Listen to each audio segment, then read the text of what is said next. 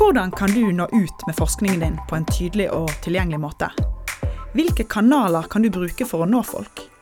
I denne podkastserien møter du forskere og kommunikasjonseksperter som har knekt formidlingskoden, og de gir deg de beste tipsene. Velkommen til Forskning til folket. Jeg heter Mari Lund Eide, jeg er forsker, og jeg synes formidling er superviktig. Ofte forstår vi det med en gang. Det her kommer til å bli et godt foredrag. Eller det her blir et dårlig et. Men hva er det som skiller en god foredragsholder fra en dårlig en? Hvordan kan du lykkes som foredragsholder?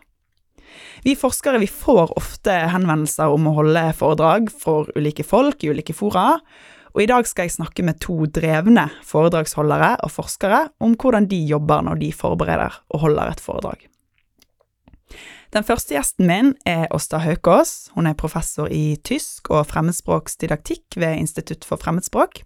Hun forsker blant annet på flerspråklighet og læreres profesjonelle utvikling.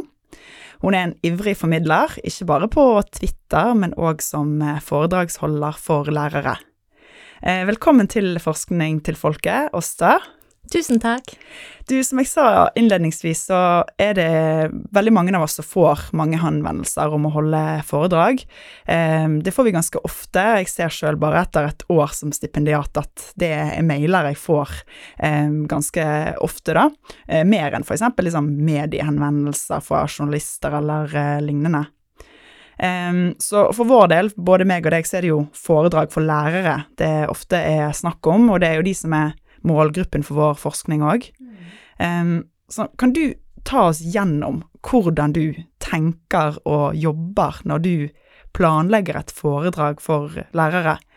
Hva skjer liksom fra du får henvendelsen om å holde foredraget, eh, til du står i rommet og begynner å, å snakke?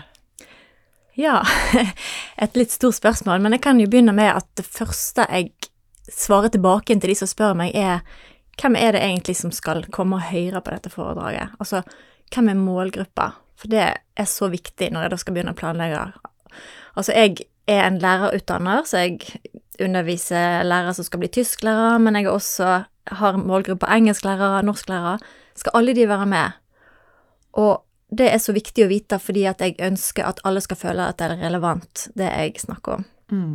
Så det er noe av det første. Altså, vite hvem som kommer der. Og jeg veit allerede at i salen så sitter noen som kanskje har 40 års erfaring, og noen som bare har ett års erfaring som lærer. Så det er enorm kompetanse i den gruppa der, men kanskje om ulike ting. Mm.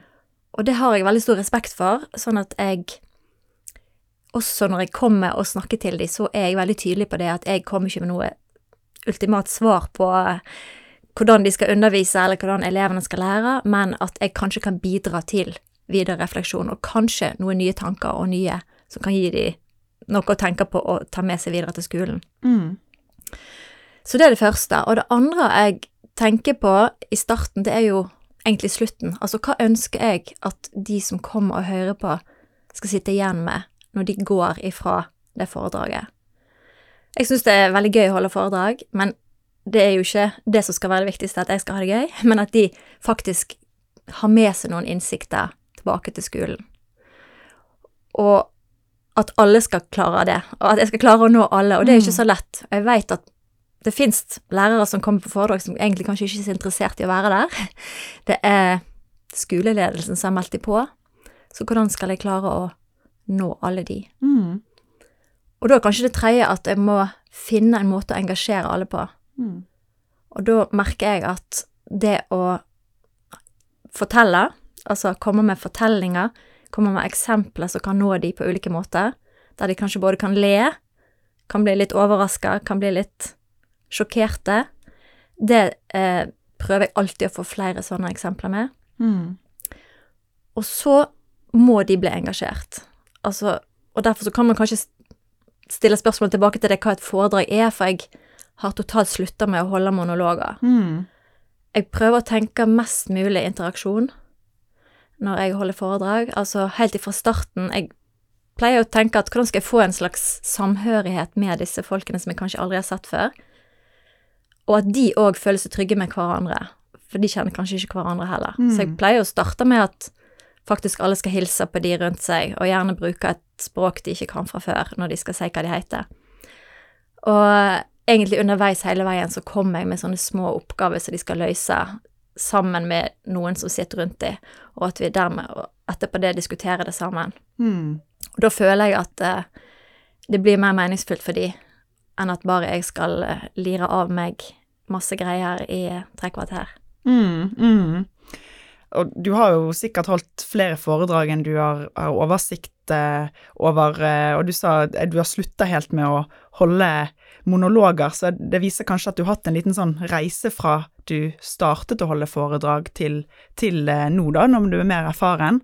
Um, har du gjort noen endringer fra du startet å holde foredrag eh, til nå, etter hvert så du ble mer erfaren og fikk eh, prøve ut litt forskjellige ting? Mm.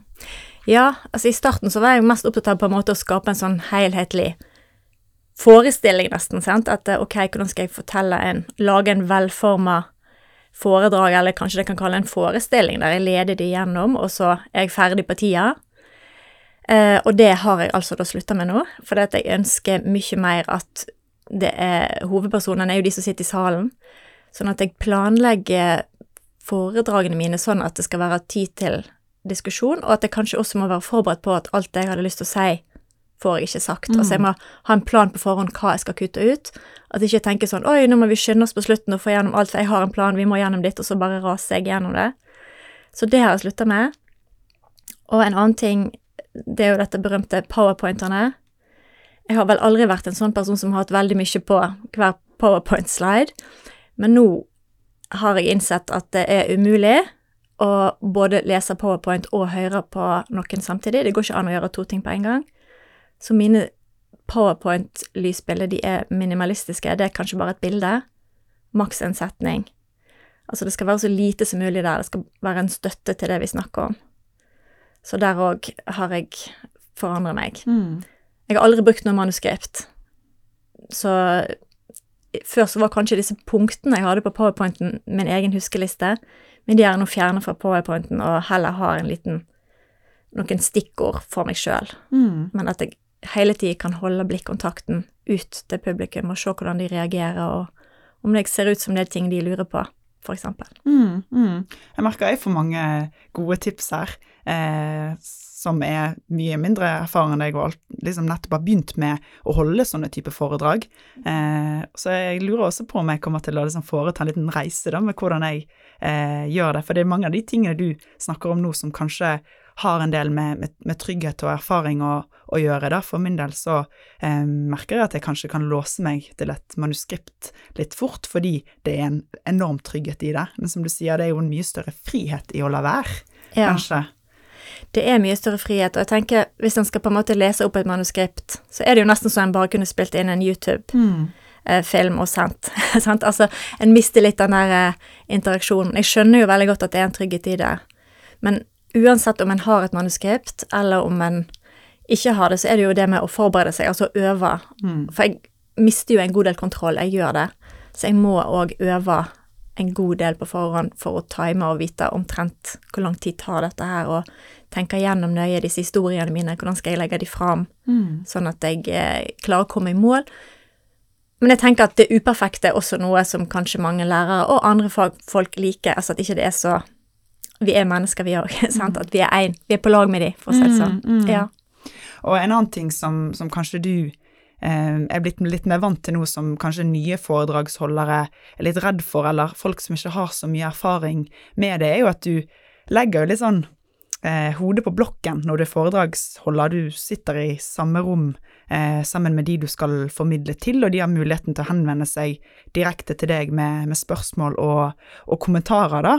Em, så jeg har litt lyst til å spørre deg òg om hvordan du håndterer spørsmål fra, fra salen, eh, og om liksom, kanskje spesielt hvordan du eh, Hva du gjør når du får kanskje litt sånn skinkige spørsmål eller, eller kommentarer, når du faktisk står der og må respondere på, på stedet. Har du noen Mm. tanker eller tips om det? Ja. Altså, kanskje mitt første tips, i hvert fall hvis jeg står fast Altså, jeg har ikke peiling på hva det er de spør om. Det er jo For det første har ikke jeg skjønt spørsmålet. Kanskje jeg må spørre opp igjen. Mm. Og så har jeg ofte en følelse av at de personene som stiller de mest kritiske spørsmålene, de har noe de vil komme med, det er noe de vil fortelle. Dette er faktisk noe de sjøl kan noe om, og noe de vil bidra med. Så jeg pleier veldig ofte da egentlig stille spørsmål tilbake til de. Altså, dette var et godt spørsmål, hva tenker du om det? Og la de først få komme med sine kommentarer. Gjerne stille ute i salen er det andre som har innspill om dette, Mm. og så enten da til slutt oppsummere eller si at dette her var veldig interessant. Jeg har egentlig ikke så mye mer å bidra med, men dette må jeg sette meg mer inn i. Sånn, sånn pleier jeg ofte å gjøre det. Mm, mm. Ja. Um, hva med hvis folk eh, Sånn som du sier at du snakker foran lærere som Eller publikum som kanskje egentlig ikke vil, vil være der. Um, hvordan responderer du på litt sånn vet ikke uvillige publikummer, eller folk som du ser har litt sånn De er kommet inn i salen med armene i kors, og de er egentlig ikke klar for å høre hva du har å si. Ja, og det skjer jo av og til, spesielt eksempel hvis det er på slutten av en dag. Eh, lederen på en skole har sagt at nå skal vi ha en samling, og eh, dere skal høre på oss da som kommer fra Bergen og sånn. Og folk er slitne.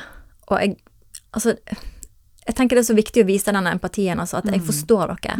Dere ville kanskje gått hjem og lagd middag nå, så jeg håper på at vi sammen skal få til noe her, og at vi sammen skal lære noe, og jeg er veldig åpen for deres spørsmål og innspill. Mitt mål er at dere skal ha et læringsutbytte av det vi er her for. Mm. Så prøve å appellere på den måten der. Mm, mm.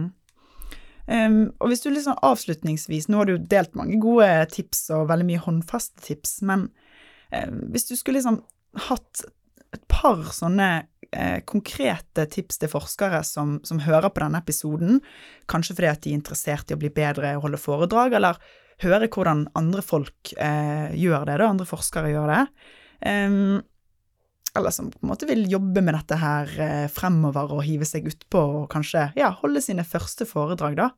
Hva, hva vil du si til, til de? Ja. For det første tenker jeg det, dette med målgrupper. Hvem er det du snakker til? Sant? Ikke ha et foredrag som du på en måte har i alle mulige forum der du ikke vet hvem som skal ta imot. Og det andre, tenk igjennom hvordan du kan nå de du skal snakke til, altså også personlig. Hvordan kan du møte de? Alle er ikke sånn som meg. Altså hvordan kan du med din personlighet eh, få kontakt med de? Og da kan det kanskje òg være lurt å være litt sårbar sjøl, tenker jeg. sant? Altså være, være klar på de tingene du sjøl ikke er så trygg på, eller at du sjøl har vært i en samme situasjon. Og at du er på lag med de folkene du snakker til. Du er der for å prøve å bidra med noe, og at du er tydelig på det. Og ikke prøv å pakke for masse inn i et foredrag. Prøv å tenke på om det er to eller tre hovedmål med foredraget ditt, så at de kan gå derifra og ha disse tre punktene i hodet og ta det med seg videre og kanskje diskutere det med andre lærere, andre fagfolk, og ta det med inn i klasserommet. Mm. Tusen eh, hjertelig takk for at du eh, kom til Forskning til folket og snakket litt om eh, foredrag. Vi skal videre og snakke med Jens Kjeldsen, som er professor i retorikk. Han skal snakke litt om hva som gjør et godt foredrag til et godt foredrag, rent retorisk, så heng med. Eh, Velkommen, professor i retorikk ved Universitetet i Bergen, Jens eh, Kjeldsen. Eh, når jeg leser din bio på forskerprofilen din på Universitetet i Bergen, så er et av de første spørsmålene jeg ser, er hvorfor lytter vi når en person snakker, men kjeder oss når en annen tar ordet? Og det her er jo noe du har både forsket på, eh, men du driver òg og kurser alt fra skoleelever til toppledere om dette her. Hvordan man skal kommunisere til et eh, publikum, og det er jo derfor du er gjest her hos meg i dag. Eh, for egentlig snakke om hvor vi gidder å lytte til de som holder foredrag eh, for oss. Så hvorfor og når synes vi egentlig et foredrag er spennende eller viktig eller interessant? Hva er liksom byggesteinene i et godt eh, foredrag, sånn rent retorisk? Eh, liksom, hvorfor er det noen som klarer å holde på oppmerksomheten vår eh, så godt og så lenge? Du, det er et veldig godt spørsmål, og det var jo egentlig det spørsmål som jeg selv stilte på, på hjemmesiden min. Og stiller når, ofte når jeg holder kurs og sånn. Og det litt kjedelige svaret er det kommer an på. Og det er sånn en typisk retorikkting å si, for det kommer an på situasjonen. Og det som er gøy med retorikk, det er at det finnes ikke noe endelig fasitsvar. Men det finnes jo noen regler, eller noen retningslinjer. Og det man kan si er det aller viktigste, det er at du snakker om noe som publikum er interessert i. Så det vi ofte gjør feil, det er at vi tar altfor mye utgangspunkt i oss selv. Hva jeg syns er viktig, hvorfor jeg syns min forskning er farbelagtig og sånn. Og så glemmer vi å tenke på publikum. Jeg kan jo forske på masse forskjellig, og medisinere kan forske på masse forskjellig, biologer kan forske på masse forskjellig. Men da må de tenke hva, på hvilken måte vil dette være interessant for publikum. Så det ene er selvfølgelig må du tenke på hva du syns er viktig, men først og fremst må du tenke på hva som publikum syns er viktig, og hva de interesserer seg for. Og en annen ting, og det er jo mange ting man kan nevne, en annen ting er at folk snakker om for mye. Altfor mye. Side opp og side ned, det ene ordet etter det andre. Så det mange gjør, som de ikke burde gjøre, hvis du spør meg, og det gjør du jo, det er øh, å være litt sånn på overflaten og nevne mange ting, framfor å nevne én ting og gå i dybden. Og særlig med forskning, for vi har sånn antakelse om at vi må popularisere, det må være festlig, og så sier vi litt om det hele. Men folk flest, og de fleste folk, de syns det er interessant å gå i dybden og lære noe. Blant annet fordi da føler man faktisk at man forstår. Hvis du bare nevner en masse forskjellige ting, så forstår man ikke. Mm. Hva er det du oftest får spørsmål om da fra folk som du kurser, eller som du snakker med om dette her? Hva er det folk opplever at de trenger hjelp med når det kommer til eh, foredrag, liksom? Det kan faktisk være mange forskjellige ting. Og det følger egentlig de tradisjonelle faser for å lage foredrag som vi kjenner helt tilbake til antikk retorikk. For eksempel så er det noen som har litt vanskelig ved å finne innhold og mm. argumenter. Hva skal jeg si, hva er de gode argumenter? Så er det noen som har litt problemer med å strukturere. Hva skal komme først, hva skal komme sist, hvilke deler skal jeg ha med, hvilken rekkefølge skal de være i. Og så er det noen, og det gjelder kanskje særlig hvis du jobber med toppledere eller folk utenfor universitetet, de kan synes det kan være litt vanskelig med å finne de rette ordene. Hvordan skal jeg uttrykke dette? Skal jeg velge det ordet eller det ordet? Hvordan gjør jeg språket, uttrykket, litt spennende? Kan jeg bruke en metafor? Og hva var det egentlig en metafor og hva for noe? Og så er det noen som har utfordringer med å huske ting, eller f.eks. bruke manuskript. Og det er jo to sider av samme sak. Fordi enten må du huske det, eller så må du skrive det ned. Og så er det noen, og det gjelder kanskje særlig ungdommene, altså skoleelever, unge universitetsstuderende, de kan ha litt utfordringer med å stå foran andre folk. Mm. Fordi hvis du holder et foredrag, må du jo det er jo definisjonen på et foredrag. Du må mm. stå foran andre. Jeg skjønner vi har Zoom og sånn, men i et riktig foredrag, der er du i samme rom som andre. Og det kan gjøre folk veldig nervøse. Så mm. håndtering av nervøsitet, uh, se folk i øynene, få alle i salen med, og ikke få et veldig sånn hemmet kroppsspråk hvor du liksom står med, med armene nærmest krampaktig om deg selv for å beskytte deg selv, mens du ser nervøst mot utgangen, for kanskje kan man flykte bort herfra. Mm, mm. Ja, så igjen, igjen er svaret det kommer an på, og det er gjerne en av disse fem tingene mm. som noen har problemer med. Mm. Og jeg regner jo med at du har holdt et par foredrag eh, i din tid, eh, både som professor, men sikkert også gjennom din akademiske karriere. Mm. Um, hva er det du tenker mest på i dine foredrag? Hva er det som er viktig for deg når du liksom forbereder deg, og, og når du står der faktisk i dette fysiske rommet og skal snakke til denne forsamlingen? Mm. Forberedelse, forberedelse, forberedelse. Det er ingenting som slår forberedelse. Noen ganger har jeg tenkt ah, jeg kan jo dette, jeg er superduper, jeg tar det litt raskt. Og så blir det aldri så bra som jeg hadde tenkt meg. Eh, det var noen som sa til Churchill en gang dette er den beste improviserte tale jeg noen gang har hørt. Og så sa han tusen takk, jeg har jobbet med den i tre uker. og det forteller litt om at selv det som ser litt sånn tilfeldig, men, men godt ut, litt sånn uforberedt, hvis det er bra, så er de gjerne forberedt. Mm. Altså det ene er at du må forberede deg. Øh, det andre er snakk bare om én ting. Litt som jeg sa før. Hvis du vil for mye, så når du mye mindre. Og det tok meg altså mange år, for til forelesninger. For jeg tenker nå skal, nå skal studentene ha noe for pengene. Skal, de skal lære dette, og de skal lære dette, og jeg skal fortelle om dette. Og så merker jeg jo halvt inni at nå kommer jeg aldri igjennom alt det her. Også fordi med undervisning, for så er det viktig å få respons fra tilhørende. Og det gjelder egentlig foredrag også. For vi tenker kanskje at et foredrag er meg som sier ting. Det kommer ord ut av munnen min, og så reiser de gjennom luften og inn i hodene på folk. Men sånn er det jo ikke. Det er jo egentlig ingen som gidder å høre på en som snakker alene. Så derfor må ditt foredrag være en slags dialog. Mm. Også selv om de ikke har anledning til å svare. Hvis du snakker foran 500 mennesker i Krighallen, f.eks., så er det vanskeligere for de til å svare. Men du kan jo stille retoriske spørsmål. Du kan til og med gjøre det aktivt. Si hvor mange av dere har opplevd at opp med hånden, og så Mm. gjør de noe fysisk. Du kan lage bilder, så de gjenkjenner bildene. Du kan appellere til følelsene, så de tenker 'Å ja, det har jeg også opplevd'. Sånn er det. Mm. Så du må på en måte, selv om din tale er monolog, så må du skape en dialog. Og så én ting til som er viktig, som jeg har sett både med elever, skolelærere, toppledere, egentlig alle, det er at ofte blir vi for generelle og abstrakte. Som jeg sier, hvis du skal appellere til sansene, til noe vi kan se eller høre eller smake eller føle, lukte, da må du være konkret. Mm.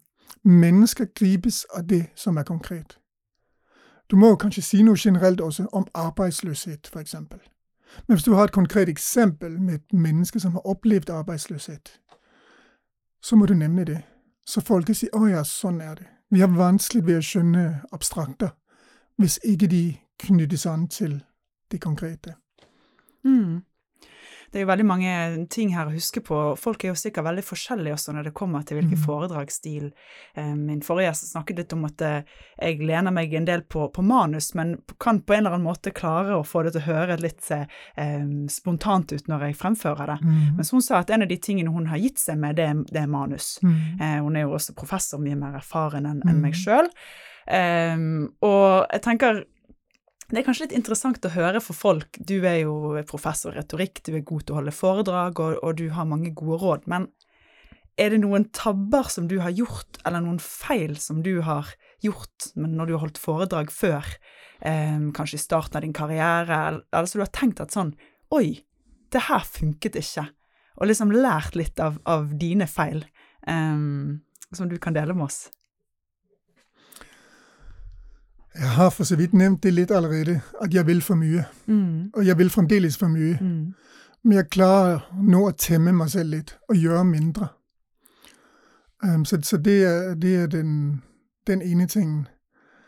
Um, å ville for mye er et problem. Og jeg vet ikke hva jeg, jeg har jo endret meg en del, men det, si det jeg gjorde da jeg var yngre, det var jeg forberedt, forberedt meg mye, mye mer. Mm. For jeg var jo så nervøs for at det ikke skulle bli bra. Mm. Og så særlig når du blir presentert. Ja, her kommer retorikeren. Og så sier du åh, han er så fantastisk. Så da må du virkelig øh, gjøre en innsats. Så jeg vet ikke om jeg har noe sånn konkret jeg gjorde feil som folk kan lære av, for det er da også veldig personlig. Mm. Altså, jeg har feil som vi alle kan gjøre. Jeg sto i Grieghallen en gang og snakket for jeg vet, 400 lærere, tror jeg. Og jeg har laget, syns jeg selv, et veldig bra foredrag da. Særlig innledning, eller slutten, har jeg jobbet veldig med. Og så har jeg skrevet det ut på manuskript, og det kan vi godt snakke mer om hvordan det funker. For det må man lære seg. Og så har jeg lest opp og gledet meg litt til innledningen, og så bladde jeg om til innledningen, og så var det ikke noen innledning der. For det var, det var gått litt fort der til sist. Og jeg hadde printet det ut og løpt bort fra instituttet på medievitenskap, bort til Grieghallen. Jeg kan fremdeles føle kulden og svetten samtidig, som sprang ut av pannen min og på armene mine når jeg så på den tomme siden. Jeg kan faktisk kjenne det litt sjøl her jeg sitter også. Det var jo helt forferdelig. sant? Særlig fordi jeg hadde gledet meg litt til å slutte bra. For gode foredrag, eller foredrag er litt som en å fly med et fly, fordi de fleste ulykker skjer under start og landing. Og dette var ulykke under landing, for å si det sånn. Men jeg, fikk, jeg visste jo hva jeg skulle si, så jeg fikk jo sagt det. Det var ingen som oppdaget noe. Men jeg hadde en sånn nagende følelse av åh, hadde jeg bare kunnet gjøre det sånn som jeg hadde Mm. planlagt. Og så kan jeg godt si noe om det med manuskript. Ja, gjerne det. Fordi noen ganger når vi holder kurs, særlig for toppledere, de, de bruker jo ikke manuskript.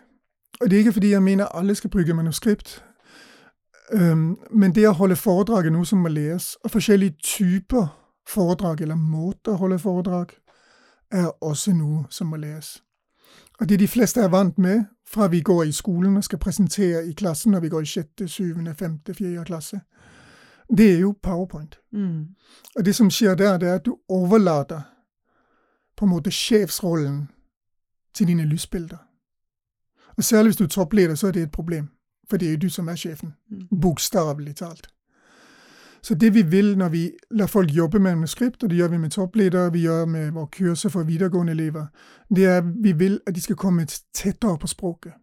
Vi vil de skal jobbe med språket. Føle rytme, akkurat som i et musikkstykke, eller hvis du suser ned pisten. Sant? Når, du, når du kjører slalåm, er det jo en, en rytme.